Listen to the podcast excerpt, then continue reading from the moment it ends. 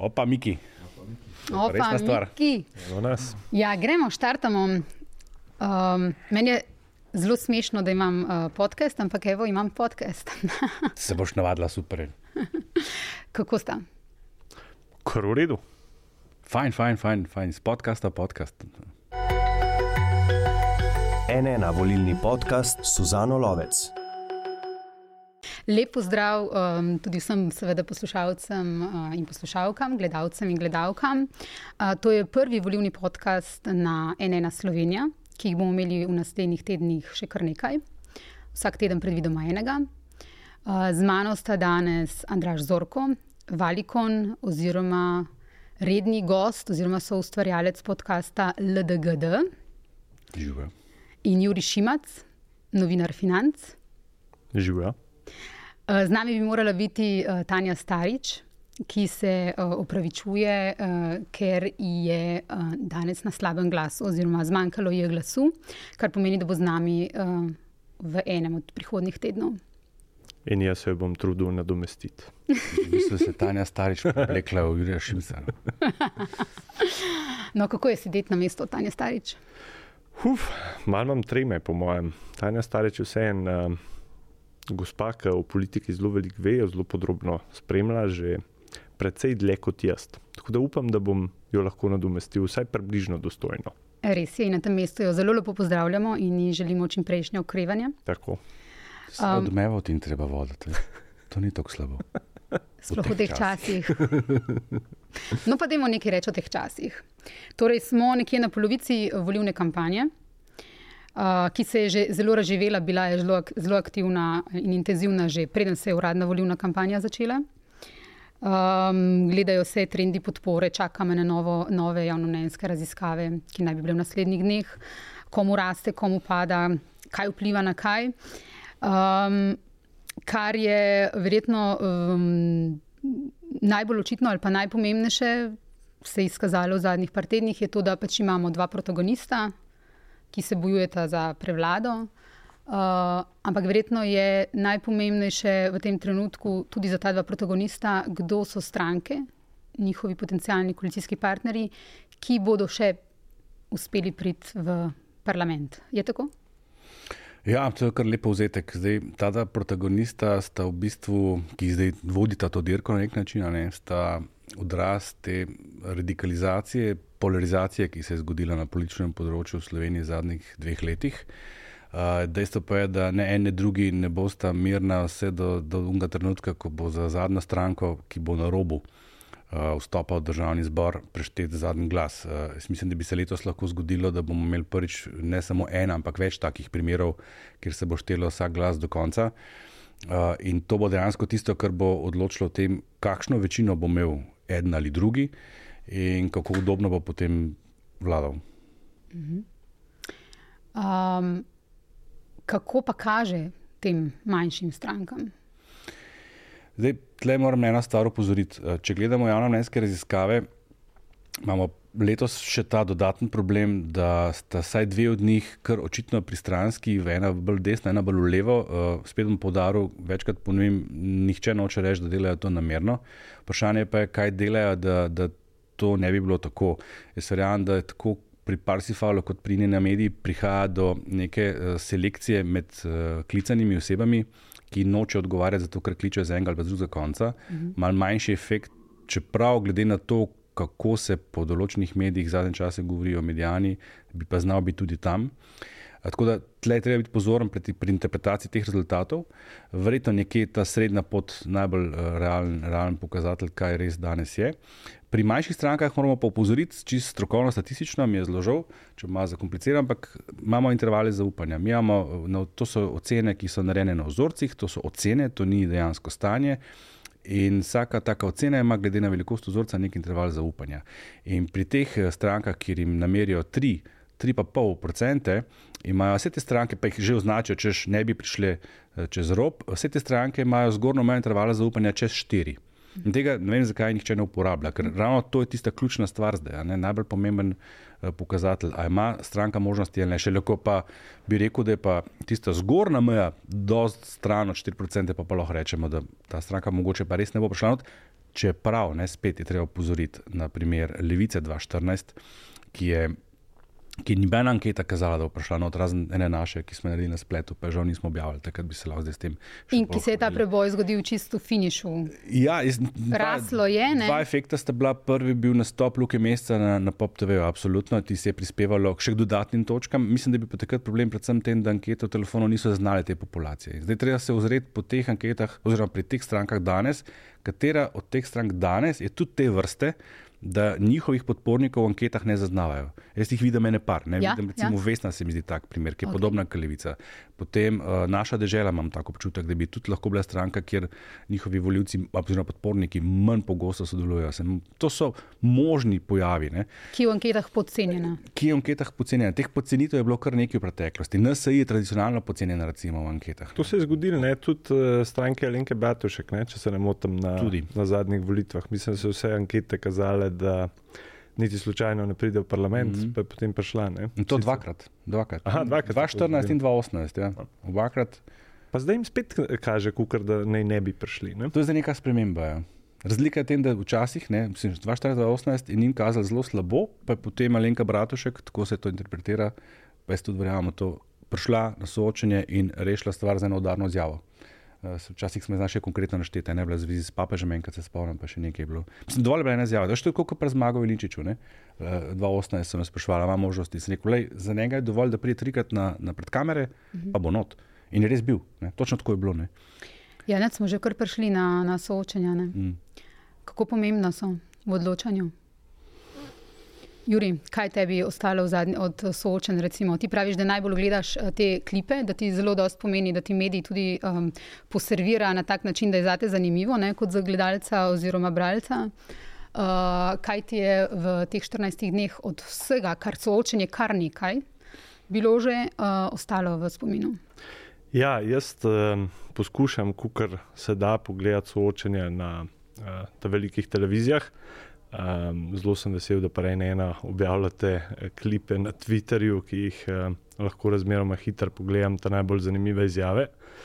Kaj mi je ostalo najbolj v spominu? Uh, mogoče včerajšnje soočenje na RTV mi je bilo tako, da mi, mi bo ostalo nekaj časa v spominu. Zanimivo mi je bilo količina časa, ki so jo posvetili razpravi o pomenu slovenske zastave. Sicer v redu, no? mogoče pomembna tema, ne vem pa, če je danes zelo pomembna tema. Uh, mogoče tudi zadnjo soočenje na Pop TV-ju, um, kjer so se spet uh, nekako sodelujoči zelo razdelili. Um, nekako sta se, tako kot je že cel cajt do zdaj, um, pojavila na eni strani pač golob kot vodja uh, izzivalcev, in pa SDS z Romano Tomc, ki je po mojem mnenju na, nastopila kar v redu na, na, na zadnjem soočenju na Pop TV. Ne vem, mogoče Andraš si ti gledal, si. Ne, ne, odkrito priznam, da ne. Da dobro nagovarja v bistvu svoj krog voljivcev. Ja, mislim tudi eh, nekako zelo, eh, sicer na to so tudi upozorili eh, tekom soočenja, ne, tudi eh, ko jih postavijo ostali sodelujoči ali pa voditelj. Um, kakšno neprijetno vprašanje povezano z predsednikom SDS ali pa katerem koli od njihovih kadrov, um, zna Romana Tomc zelo hitro speljati um, nekako vodo na ta mlin. Um, poglejte, to že, ampak mi delamo za ljudi, ljudje imajo zdaj više plače, imajo više pokojnine in tako naprej. Mislim, da to počne kar uspešno. Uh -huh. Pa tudi gospod Tomc, ne, moje opažanje, zna iste stvari, kot bi jih nekdo drugi. Govori iste besede kot kdo drugi, ampak to pove z zelo bolj mehkim glasom. Ne? Ja, verjetno. Z Kar- skokom najbolj uglajena gospa iz teh vrst. Um, ja, kako pomembna, Andraš, so soočenja še vedno? Ti praviš, da zelo, da en sam nastop lahko stvari spremeni. Uh, zakaj potem, tako kot smo se včeraj pogovarjali v redakciji, še vedno gledamo avtobuse in kombije, ki se vozijo po Sloveniji, še vedno se talajo kuli in se um, rokujemo. Prav tako še vedno je Slovenija oblepljena. Hočem reči, ali stranke premalo dajo inputa v te soočenje, se premalo pripravijo. Včasih pošljajo tudi koga, ki ni pripravljen na soočenje, kar se potem vidi. Mislim, soočenja so, po mojem mnenju, še vedno uh, najbolj pomemben kanal komuniciranja. Preprosto zato, ker je ta presečna množica med gledalci klasične linearne televizije in pa med udeležbo na volitvah zelo visoka. Uh -huh. Tisti, ki gledajo televizijo, so tudi tisti, ki v večini volijo. Uh, tudi ko smo mi v enem anketi, takoj po volitvah 2018, sprašvali ljudi, kaj oni sami mislijo, kaj da najbolj vpliva, so postavili med mislim, 21 kanali TV soočenja na prvo mesto. Uh, še posebej so pomembna, seveda, v razmerah, kakršne so v Sloveniji že od leta v bistvu 2008 naprej, ker imamo uh, vsakič neke stranke novih obrazov. Ne. Uh, najbolje in najlažje se jih spozna takrat, ko, ko so izvani, ko govorijo, ko se odzivajo. Ne, plakat je statičen, uh, obisk uh, na, na terenu, ne da ni pomemben, ampak za dane redke ljudi slučajno. Ne. Tam je pa pač vedno najmasovnejše občinstvo, ki je zbrano naenkrat. Uh, v enem v istem hipu in vemo, kako usodno recimo, so soočanja vplivala. Prej smo omenili primer Luke Meste, mm. Alenke Bratušek, ali pa na drugo stran, Francija Arhar, uh, Gregor Virant in tako naprej. Ne? Dovolj je ena nepremišljena izjava, slab odgovor na provokacijo, vprašanje, kako koli, pa vsega konec. Mm -hmm. Zakaj pa je to avtobus v kombiju? Mislim, da je to, um, to sem tudi jaz opazil, letos jih je več, absolutno je tega več.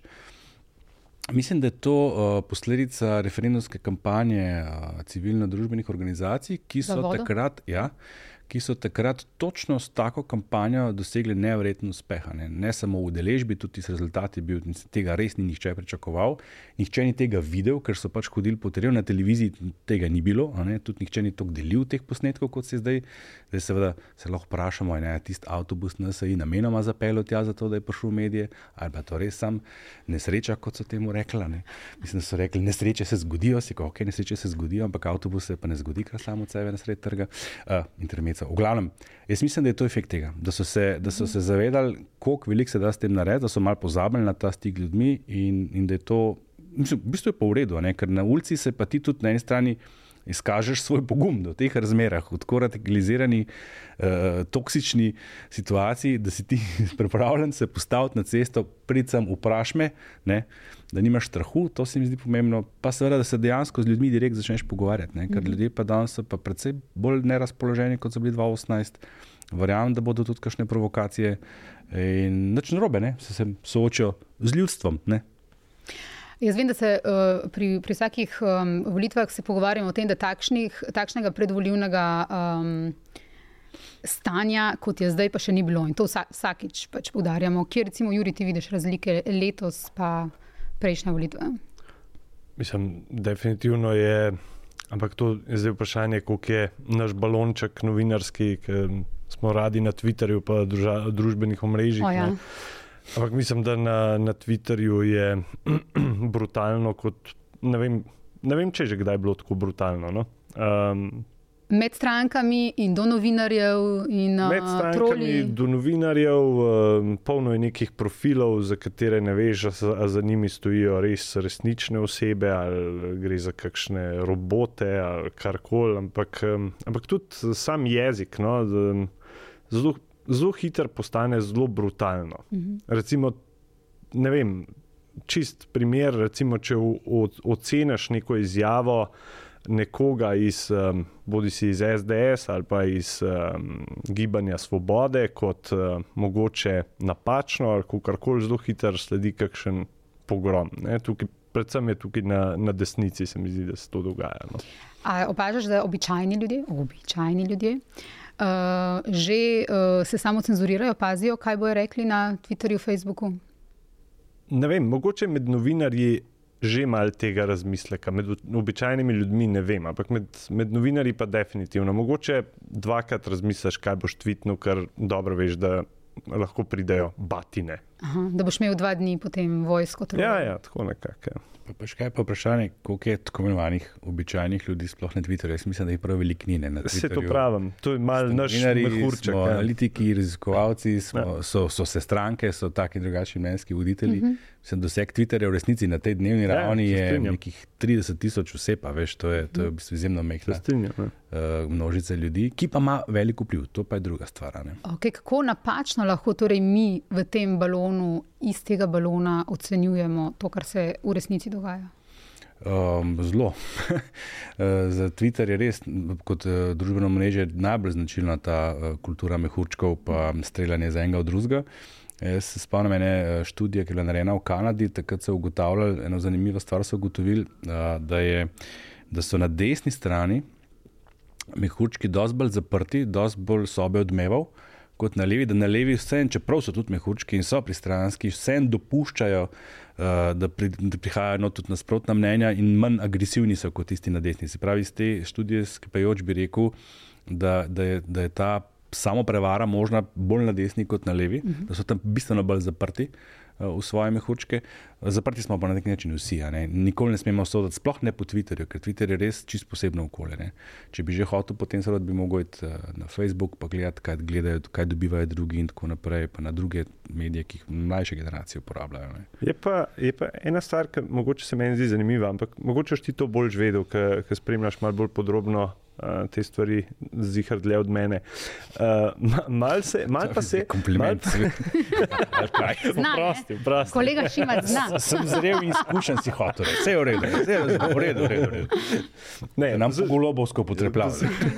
No, no, pridemo k temu. Ampak mal, mal pa se je ta, ta besednjak, twitteraški deloma preselil tudi vem, na soočenja v TV. Veš, zdaj gledamo kako en, eh, recimo, kako golob Hojsa imenuje vedno in dosledno policijski minister, Hojs pa goloba mm. elektrooligarha, kaj me zdaj začel mm. govoriti. To, to se mi zdi kar zanimivo. Ne vem, če so se v preteklosti obkladali s takimi nekimi nadimki. No, razen princ tam. To je prišlo. Ampak iz, tega uh, uživo ne vem, če so ne. en drugemu govorili. Na Twitterju tudi ne. ja, uživo ne. Je pa škaj res, Twitter je okolje, kjer se testira take stvari, po mojem. Tam, tam lansirajo na tako stvar in vidijo, če se prime, se prime. Tako kot imajo v parlamentu, zdaj govorim spet o tej desni strani, predvsem SDS, ne, tam imajo linčiča za to, da testirajo mhm. uh, bolj radikalne ideje, za katere niso čisto pripričani, ali je to v redu ali ne. In pa če odziv v redu, jih povzamejo tudi sami. Ne. No, ko smo ravno pri Jelinčiču. Jelinčič, pa stranka Resnica, kako, kaj te ima dvema strankama, kaže? Mislim, to je direktno konkurenčna volilna baza. Uh -huh. um, Jelinčič v tem primeru, po mojem, kaže zaradi to bolje, ker ima tako, tako kot rečemo v biznisu, unfair advantage. Uh, On je v uh, prime timeu na soočenih na RTV, kot parlamentarna stranka, on ima svoj izdelan nastop, kot sem prej omenil, ne, za njega dol se je parkrat pojavil. Tudi včerajšnje soočenje, recimo, sploh v začetku je imel neke izjave, ki mislim, da so padle na zelo plodna tla pri določenem delu populacije, pa mu je sicer malo popustil. Um, tako da tle bo, bo, bo Stevanovič zelo težko zraven prišel. Ne? On je bil po petih popovdne v eni čist drugi družbi, sicer ima tudi on dosti izdelan nastop, to smo videli na takratnih srednjih protestih, ampak enostavno nima, nima tega očevalca. Ne?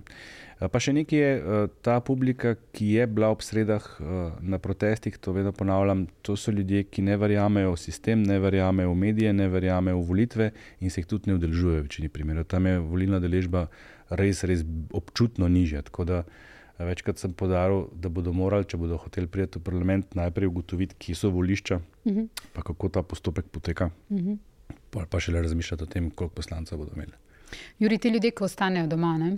za katere bi si v bistvu vse stranke morale prizadevati, um, kaj mi o njih vemo? Ne vem, kaj o njih vemo. Ampak očitno vemo to, da ostanejo doma, ker mislim iz različnih razlogov. Ne? Tako kot ne vem, jaz doskrat probavam malo stvari iz svoje družbe, ki ni sestavljena samo iz novinarjev, um, gledati, kakšno je razpoloženje naokrog. In med mojimi prijatelji je kar pogosto mnenje, koga pa naj volim. Uh mhm. -huh. Koga pa naj volim. Ne? In to. In če, zaradi tega ne grejo. Ne? Zaradi tega ne ja. grejo. Ne? In tudi, če pogledajo soočenje in vidijo, da en enemu govori elektrooligarh, ta, drug, ta drugemu pa policijski minister, in da se pogovarjajo vem, o zastavi ali pa o nekih stvarih, ki so mogoče čisti relevantne trenutno ali za njihov žep, za njihovo življenje, kar koli, pač ne grejo na volitve. Ne Torej, da tudi mediji ne odpirajo uh, tem, ki bi te ljudi zanimale, oziroma bi se, da bi se preko tem slišali, uh, sliš, uh, čutili nagovorjene. Ne vem, če so tukaj krivi mediji, ne, ker se mislim, da kar poskušajo na vseh soočenjih, pa vseeno tudi odpreti kakšno temo, ki ne bi bila pomembna za ljudi, ne, pa ne samo politični prestiž ali karkoli. Ampak zelo hiter za jadra, pol debata, ne? zelo hiter za jadra, pa v neke zgodovinske teme, pa vi ste najbolj zadolžili državo, pa ne vi ste jo, pa vi po kakšnih obestnih merah. Temu v bistvu običajni ljudje, po mojem, zelo težko sledijo. Okay, poleg Romane Tomc, ki si jo ti izpostavil, kot da zelo dobro nastopa za ta svoj del volivne baze, uh, koga bi recimo vidva izpostavila še? Kdo je presenetil v plus, pa kdo v minus?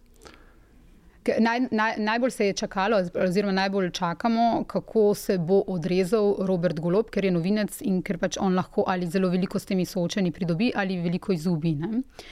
Tako da, aj vam je še kdo odskočil v gor ali dol? Zdaj, mislim, da hočeš nekaj povedati. Ne? Mislim, jaz, če sodim po, po zadnjem, tam je ostal kar v spominu. No? Ta zadnjo soočenje prejšnji teden na Pop TV-ju bi rekel, da ni imel slabega nastopa, recimo tudi Jrnej Vrtovec. Se mi zdi, da je deloval dosta umirjeno. Um, mislim, da je lahko tudi z Robertom Golobom načeloma se kar pogovarjal o energetiki, kar je z Robertom Golobom mogoče težko, ker je pač strokovnjak na tem področju. Um, kdo še? Ne vem, pomagaj mi malo. Veš, da bi tudi na njega pomislil, čeprav sem prej rekel, da nisem gledal tega, priznal, da nisem gledal tega soočanja, ampak danes res lahko gledaš soočanje tudi uh, prek Twitterja, uh mhm. -huh. kjer imaš na eni strani vse stranke, ki nastopajo, ki sproti objavljajo vse najpomembnejše izjave, na drugi strani pa vse kritike. Ki delajo ravno nasprotno, imaš v bistvu zelo dober pogled, kaj se je zgodilo. In tam je, mislim, da je Jrek Vrtovec res najbolj skozi prišel na tem soočanju. Mislim, on je tudi znam po tem, da je bolj umirjenih, pa bolj sebinskih kot kaj drugega politikov uh, iz stranke NSA. Tako da on je ja, absolutno. Uh, pa včerajšnji stop Marte Kos, mislim, da Marte o tem bo pa včeraj. še veliko govora. Uh, sicer se postavlja dosta smiselno vprašanje, ali smo zadovoljni s tem, da na soočenih nastopajo svetovalci predsednikov strank. Ni, ne vem, jaz ne vem, ali je ona članica ali ni. Vem, da ni kandidatka na, na, na, na njihovi listi. Mm -hmm. Jaz sem sicer razumel, da če je ona svetovalka predsednika za zunanjo politiko, da to pomeni, da je ona prva kandidatka za morebitno zunanjo ministrico. Če bo, če bo, če bo ta stranka dala stanju, da, da, da bo dala tega ministra. Da, ja, ampak je pa dobro vprašanje, ne tudi eh, spet v končni fazi. Uh mhm. -huh. Tudi on ni kandidat. Ne? Kakšno funkcijo bo on potem? Jaz mislim, da ni fajn, če na soočenje prihajajo ljudje, ki znajo uh, lepo govoriti, ki so spodobni. Tudi, tudi Petrič na stopu, če je bil mogoče na trenutke malo akademski, ampak uh, uh, zelo spodoben, ne? Mhm. nekaj, kar se, kar, se, kar se pričakuje, kar se, kar se išče, v bistvu že skoraj zlučil okrog. Ne? Tako da te bi izpostavil, recimo, vem, Aleksandra Pivec, mogoče osebinsko ni zelo močna, uh, ampak za njeno volilno bazo se mi zdi, da bi njen nastop včeraj točno to, kar ta volilna baza potencialno pričakuje. Veš, to, tam niti ni tako pomembna. Um, konkretna neka osebina, da so tam neke težke misli, ker je dovolj, že, da je ona doktorica, ne? ima neko gled s tem. In, uh, zna pa nastopa, zna govoriti. Ne. Zdaj, vsebina, druga stvar. Ampak tudi, ne, tudi rekel, več nespodobnega, tudi z Marto Kosta se dobro razumeli. Take bi se spostavil. Mislim, pravzaprav vse, kar je vsaj približen podoben normalnemu. No? Mm -hmm. Ker jaz, ki zagledam eh, desnega populista, z kjerkoli stranke že, ki začne govoriti take stvari, kot smo jih prej omenjali, pa, pa, pa, pa orgasnem, je pa mhm. verjetno to njihov namen. Zanimivo, jaz sem zjutraj sem mal, eh, spet sem pri Twitterju, se sprehodil čez Twitter, eh, šel postli in ni bilo tako malo ljudi, ki so tvitali, zakaj nimamo Marte Kos za, kot potencijalno mm kandidatko mm za mhm. predsednico vlade. No. To je izjemno dobro vprašanje. Ne? Včeraj je dobro delovala. Mogoče jo pa šparajo za predsednico države. Eh, tudi to je ena od teh. Ja. Danes smo se v jutranjem podkastu LDGD pogovarjali o tem in je Pegovski postavil provokativno vprašanje, kdo ima v drugem krogu predsedniških volitev več možnosti, Enes Petrič ali Marta Kos? Aha. Kaj ste pa odgovorili? Um, Marta Kos se mi zdi, ne vem, če sem sploh odgovoril, ampak evo, zdaj sem rekel Marta Kos. A niste, niste uvrstili Marjana Šarca? Uh, ne, Marjana Šarca, skupaj z Miro Cererem smo izločili v prvem krogu. Da ne boste sploh kandidirali? Ne, ne, da ne boste prišli v drugi krog. Jaz mislim, da boste. Jaz mislim, da bo Šarec kandidiral, še posebej, če bo ta stranka izpadla iz parlamenta, kar bi se utegnilo zgoditi. To je, to je ena kar tragična zgodba, res v resnici. Uh, mislim, njim v bistvu res precej slabše kaže kot sabo. No. Ne zato, ker so bili podatki, podatki so dosti podobni, uh -huh. ampak ključna razlika je, da LMŠ nima tradicionalne podpore. Ne. Tam so vsi, ki jih podpirajo, so pribežniki. Fluktuacija. Iz, iz eh, nekoč, ne vem, še nazaj LDS, pa pol SMC, pa pol še drugih strank in, in mislim, drugih, predvsem SMC. Ne.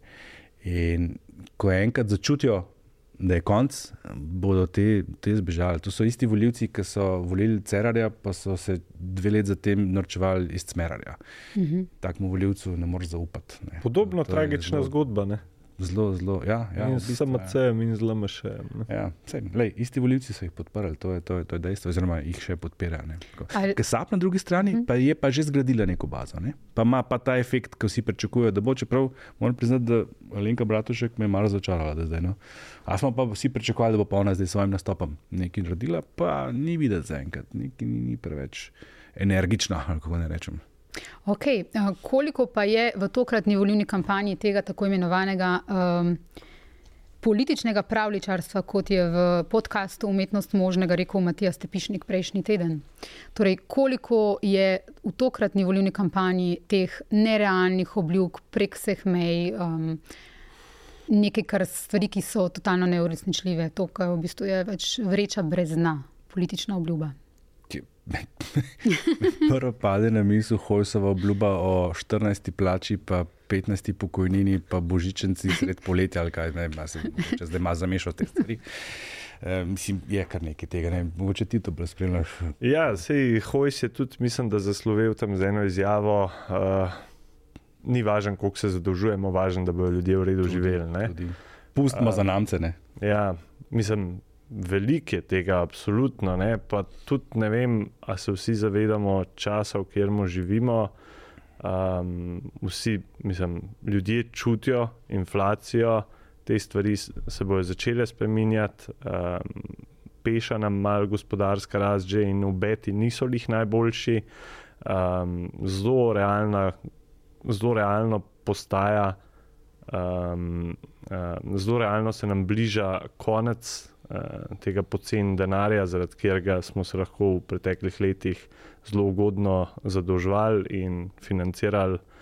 Um, Bodi si medkoronske dodatke ali pa kaj drugega, ali pa velikih infrastrukturnih projektov. Vse te stvari bojo v tako vse izgleda v, v prihodnosti, postale malo večji izziv. Um, zdaj, iz tega vidika je mogoče čas zelo podoben tistemu predvolilnemu času, mislim, da leta 2008, ko je zmagala na koncu Pahorjeva SD. Um, volitve so bile v, v času, ko se je začelo na globalni ravni v gospodarstvu, so začele iti stvari hudo na robe. Um, mislim, da tudi zdaj so znaki, da grejo stvari hudo na robe. Takrat smo poslušali izjave, da nepremičninska kriza v Ameriki se nas absolutno ne tiče, nas se kriza ne bo dotaknila in tako naprej. Mislim, da od takrat smo se naučili, da karkoli se zgodi v velikih ekonomijah po svetu, se bo vse skupaj pokazalo tudi pri nas.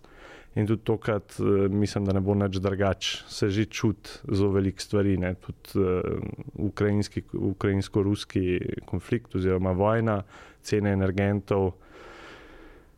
Zelo veliko velik izzivi se ukvarjajo podjetja. Um, in z, z vsemi temi izzivi se bo mogel ukvarjati tudi bodoči finančni minister. Absolutno. Um, tukaj vidimo velike odpustkov na strani davkov, recimo pri elektriki in tako naprej, kar je sicer fajn, ampak vse kaj bo treba to plačati. Ne? In če bo denar dražji, kar kaže, da bo, bo vse to precej težje plačati. Koliko pa se ti zdi, da bo ta obet stagflacije, um, to, kar se že dogaja na področju energetike, koliko tega voljivci že občutijo kot tudi del svojega odločanja o, uh, na volitvah? Imajo to že ukalkulirano v razmišljanju, za koga bodo glasovali. Ugibali se je namreč, ne, da bo recimo uh, vojna v Ukrajini, da bo ta konflikt um, lahko močno prispeval k temu, koga bojo volili v Sloveniji. Zdaj se mi zdi, da se je to malo odmaknilo, da v bistvu se ne pogovarjamo več toliko, um, koga vidijo kot potencialnega voditelja Slovenije v razmerah vojne, ne, kar par tednov nazaj smo veliko o tem ugibali. Um, kaj pa glede inflacije, prihajajoče, morebitne gospodarske krize? Mislim, kaj ljudje pričakujejo, to je težko reči, ampak definitivno pa ljudje čutijo inflacijo. Uh -huh. uh, mislim, inflacija je taka, da se jo občuti. To ni več uh, dvodstotna inflacija. Ja. Statistiki nam merijo, okay, nekako uh, sfrizirane podatke, zadnje, okrog 5-procentna inflacija. Um, dejanska inflacija je verjetno precej večja, to verjetno opazijo vsi, ki grejo ali na kavo, ali na pivo, ali na kosilo v mesto, kakorkoli. Um, Zdaj, vprašanje je, kaj bo sledilo naprej. Ali bo, bojo sledili neki um, malo bolj znatni dvigi plač, um, kar pomeni, da se nam bo to vrtelo vse naprej. Ne? Više plače, više stroški za podjetja, spet cene gor, dokje in kam to gre. O tem razmišlja zelo veliko ekonomistov po svetu. Mm -hmm. Kaj pa uh, običajen volivec? Koliko ima tega ukalkuliranega v razmišljanje, ko gleda soočenja?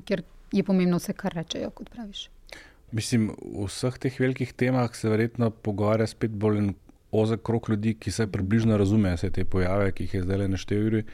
Uh, to, kar čuti voljivci, je to, kar si tudi omenil, ravno kar ne, koliko dražja je neka stvar.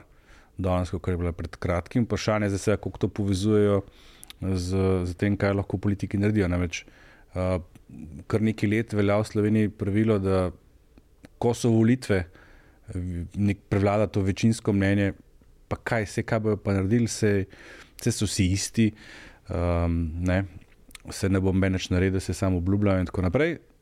Pol, ko pa pride do krize, še posebej kakšne osebne zagate, je pa država vsega kriva. Ne. To je tak velik paradoks. Ne Dajmo se zdaj odločiti, ali je država kriva ali ni kriva, je odgovorna, ali lahko kaj prispeva ali ne. Ali bomo zdaj volili tako, da mogoče se to ne bi več dogajalo. Ampak se mi zdi, da tlele je ta točka nepovrata že davno za nami. Zdaj, um, jaz mislim, da imamo pravka tudi z voljivci, ki še ne vejo čisto točen, kdaj so volitve.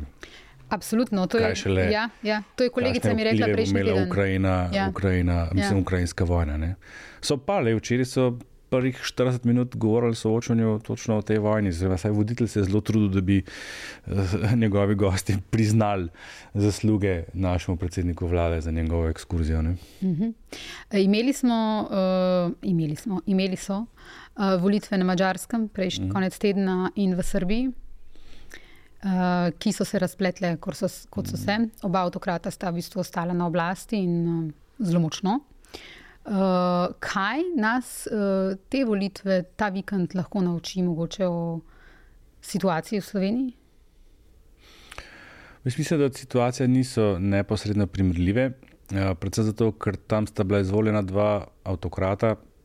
Mislim, da je bila sta izvoljena, to se sliši malo kot nek oksimoron, da sta bila izvoljena dva avtokrata. Je pa res, da Eden je priredil s pomočjo ustavne večine volilni sistem, sistem ki je pač pisan njemu na kožo. Tako, tako. Uh, drugi počne, kar počne z mediji, kar se dogaja v populaciji, z manipulacijami, takimi in drugačnimi, ampak na koncu dneva pa se en dobita tako podporo. Jaz mislim, da sta problema vse malo različna. V Srbiji uh, smo imeli v preteklosti upravka z velikim eksodusom uh, višjega sloja, višjega srednjega sloja, intelektualcev in tako naprej, ki jih zdaj pač enostavno tam ni in iz tujine ne morejo vplivati na to, kako volijo njihovi rojaki, ki so tam ostali.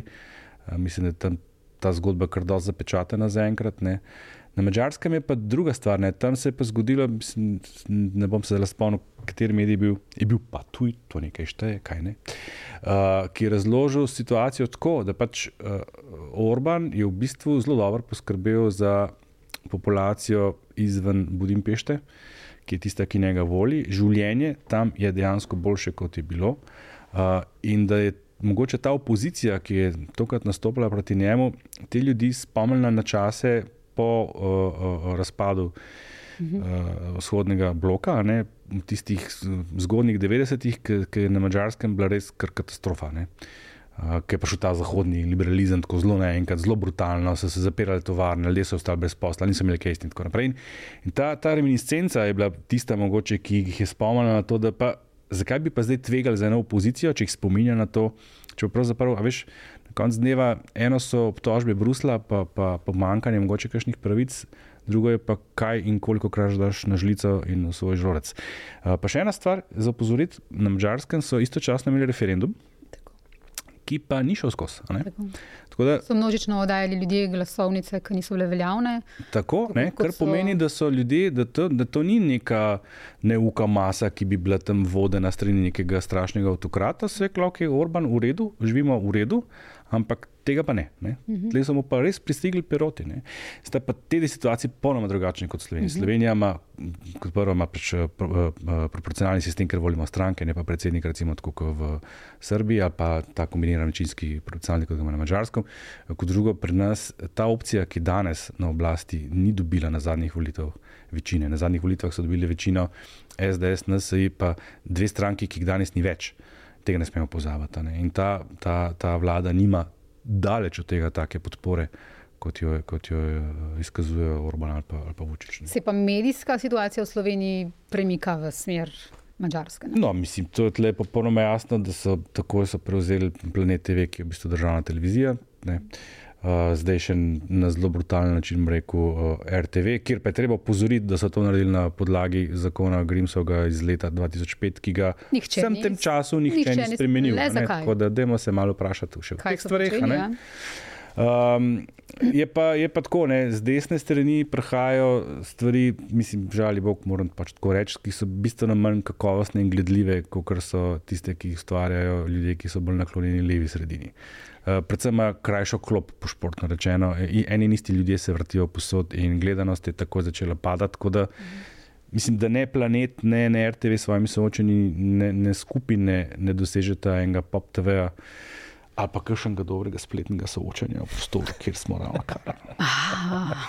A lahko še enkrat to poveš? Ja, nahajamo se v studiu N1, kjer se tam za odrom dogajajo soočenja, ki krožijo potem na spletu v klipih, ki jih imajo Uri Dora. In jih vsi radi gledamo, ker so bolj dinamična in uh, manj senzacionalistična kot kje druge. Tako, No, hvala skratka, ampak eh, v Sloveniji jaz mislim, da imaš še vedno kar dost ponudbe, ki ni samo ta, um, kako bi rekel, ki gre v eno špuro, ne? tako kot slišimo iz, uh, iz Mačarske. ne. Mislim, še vedno imaš kar dost medijskih hiš, ki, za katere Ja, lahko seveda. rečeš, da delajo razmeroma normalno. No? In tudi ti pohvalil ena ena. tudi. Tudi jaz bi tej priložnosti še enkrat pohvalil NN in tiste njihove klipe na Twitterju. Odlično. Pa podcasti. Pa slišal? podcasti. Se nov opravičujem. podcast, ima volilni, da je to po mojem super. To po mojem super. E, ko smo že pri teh uh, klipih. Ne? Uh, iz uh, prvega tega soočenja v času volilne kampanje, ko sta bila um, Breznik in uh, Klakočar Zupančič. Um, mal bi rada o tem, o tem, da je pomembno uh, soočenja tudi gledati, ne samo poslušati, oziroma da je v bistvu ta uh, element uh, videnega, neverbalne govorice, kot bi rekli nekateri, zelo pomemben.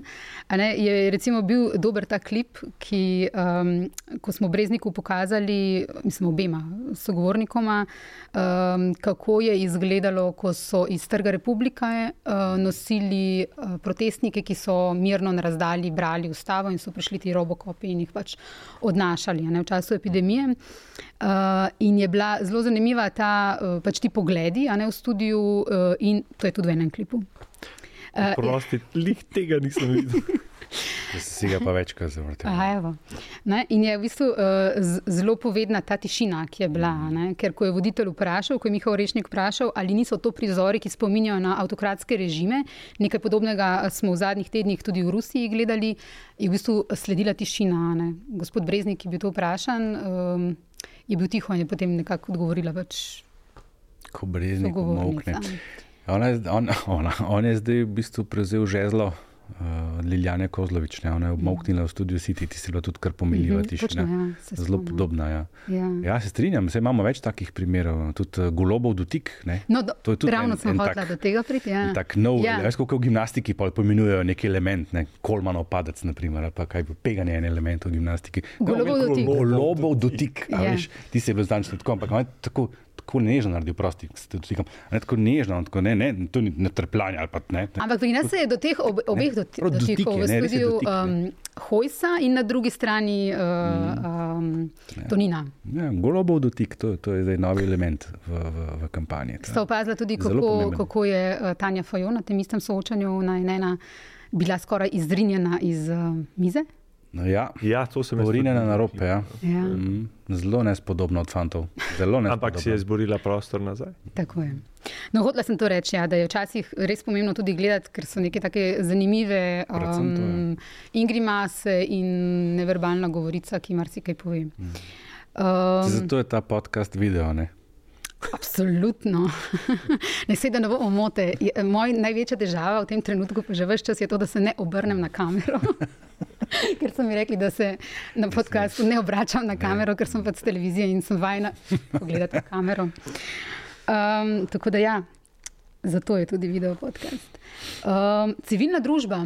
Kaj se dogaja v tej kampanji s civilno družbo, oziroma eh, slišimo ta prepucavanja, kdo vse zdaj ne bi smel sodelovati v volilni kampanji, kdo vse, mhm. da se je vključil v volilno kompa- kampanjo, pa se ne bi smel, katere nevladne organizacije lahko kaj rečejo, katere ne.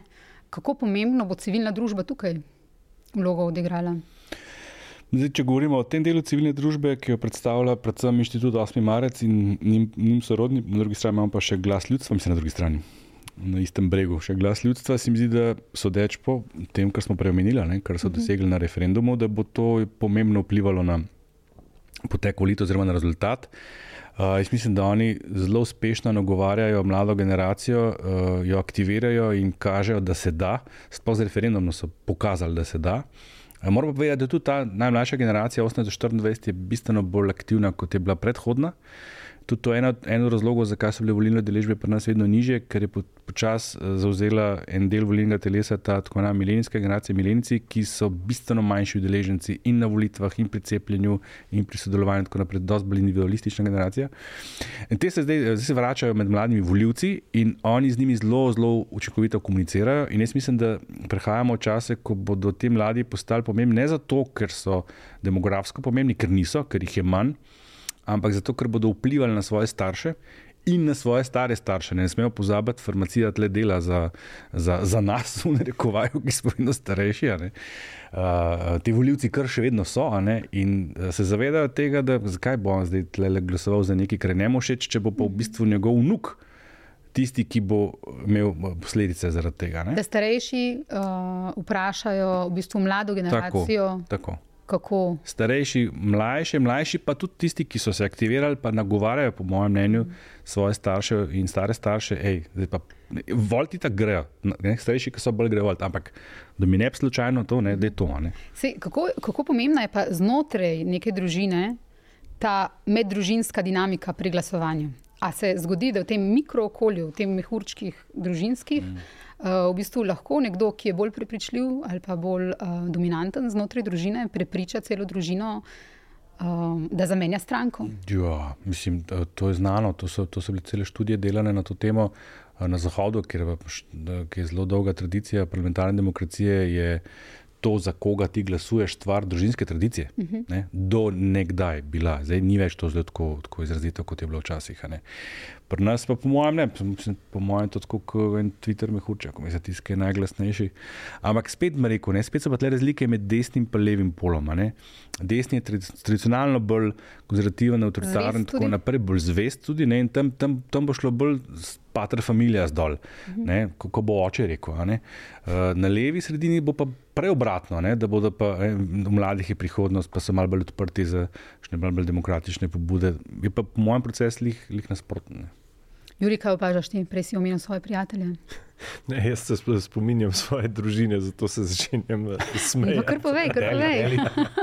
Ne, naša družina, ne vem, moja dva starša sta bila zelo odprta do vsega, pač, ne vem, kako bi rekel, precej liberalna človeka. No. Um, sta, se, sta bila pa povsem na nasprotnih političnih polih in sta se znala o tem zelo močno kregati. Zelo močno kregati. Pri nedeljskih kosilih? Pri nedeljskih kosilih ali pa predvsem eh, pri eh, vožnjah v avtomobilu. Tam, tam sta se znala zelo veliko kregati. Zdaj pa probujem razmišljati, kako je to vplivalo na mene in mojega brata. Ampak Čakaj, kaj to pomeni? Nekdo je volil SDS, drugi pa LDS. Ne, ne, ne, mislim, pustimo zdaj detajle. detajle, ampak ampak en ja. je bil zelo na eni strani, Ja. drug pa na drugi strani. Ne? In potem smo bila tukaj jaz pa moj brat. Ne? In zdaj, kaj pa vem, verjetno je bilo odvisen, kaj pa vem, a sva se odločila tako, kot on, po mojem, dva ne, po mojem, da ne, no? ker ne vem. Mi dva smo oba rada brala, hodila smo v šole, kaj pa vem, veliko smo, bila smo v takih družbah, ki smo se pogovarjali o politiki. Tako da ne vem, če je to na naj vplivalo. No. Ampak ja, zabavno je bilo, kako naša družina je bila zelo razdeljena na, na tem področju. No. Ne vem, kako je pri drugih. Uh, če smo se mogoče malo zdaj pohecali. Oh, Glede, imaš ja? uh, pri drugih, imaš družine, ki skupaj kandidirajo. Veš, sem šel zadnjič, sam Ljubljansko občino sem pogledal. Na, in, za isto stranko. Ja, uh, trije primeri so, seveda, ja, ista stranka, pa imaš brat, sestra so tudi primeri, to so tudi zanimivi. Ampak to je bilo samo v Ljubljanski občini, sem jih naštel šest ali sedem. Imáš pa še en primer, to je čisti off the record, off, off topic. Uh, Imáš pa primer, ki so pa v istem bloku, se pravi v isti, na isti hišni številki, kandidat SDS-a, pa nekdo, ki je kontra. Zdaj sem vprašanje, koliko nadstropje je med njima, pa kako se gledate na hodniku. Zanimivo. Zanimivo No, ampak izbigala. skupaj, vse to je v redu. no. Ja.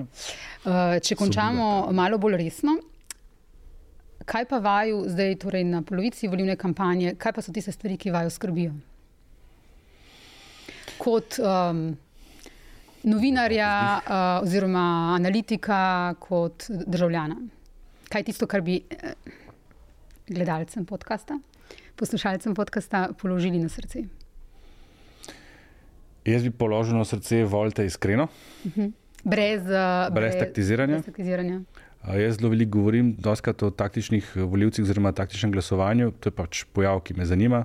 Sem ga tudi eh, pred par leti v eni taki zakasneli uh, diplomski nalogi, zadnji plus bolonske omake, sem ji rekel, uh, zelo podrobno analiziral. Zadnji, zadnji plus Zadnji bolonske omake. Ja, ti sval sem mogoče vedeti, Ja, ja, ja, da se ja. še lahko postaram. Ja. Za- Zadnji plus bolonske omake. V glavnem, No, če, če pojasnimo najprej to, kaj je to tak, uh, taktično taktično glasovanje. glasovanje, je, ko se v finišu volilne kampanje, ne, če sta dva pretendenta, v bistvu glasovi. Mm, Več vrst je, več vrst. Okej. Več vrst je, imaš ali na, na vrhu gor, da se pač, mislim, gre za osnovi za neiskreno glasovanje. Tako. Skratka, ti ne voliš svoje prve izbire, ki bi jo iskreno volil, ampak nekoga drugega, ker kalkuliraš, kaj se bo zgodilo, bori si s svojim glasom, bori si s končnim rezultatom. Pač želiš vplivati na rezultat. In jaz več čas podarjam, to je popolnoma legitimna uh Mhm. -huh. odločitev in nič manj kot kakršno koli drugo glasovanje. ne. Uh, zgodi se, ali ker sta dva blizu na vrhu. In to naj bi se zdaj ne? Moment, Tako, ja, to, kar smo imeli eh, 2-8 pa 2-11. Tako. ne. Uh, pa dogaja se na robu od spodaj. ne. Tam, tam je pa premislek, ali bo šel moj glas v nič, bom raje volil nekoga drugega, da moj glas ne bo šel v nič. No, tle jaz apeliram. Sploh, ker je letos takih strank res veliko, volite iskreno, zato ker uh, ni res, da gre vaš glas v nič, če volite stranko, ki ne pride v parlament. Če ne volite, potem zagotovo ne bo prišla v parlament, ste izgubili, to to je luz-luz. Če pa jo boste volili, povečujete verjetnost, da bo prišla v parlament. Če pa slučajno ne bo, ne, če ne bo dosti somišljenikov, pa ne bo šel cel glas vaš v nič, ampak ga bo šlo kvečemu v pol. Ne, zato, ker bo pridobil tudi tisti z vašega pola, z vašega, z vašega bližnjega političnega področja, ki bo prišel noter, pa ki bi bil celo mogoče bil vaša druga izbira, taktična. Ne?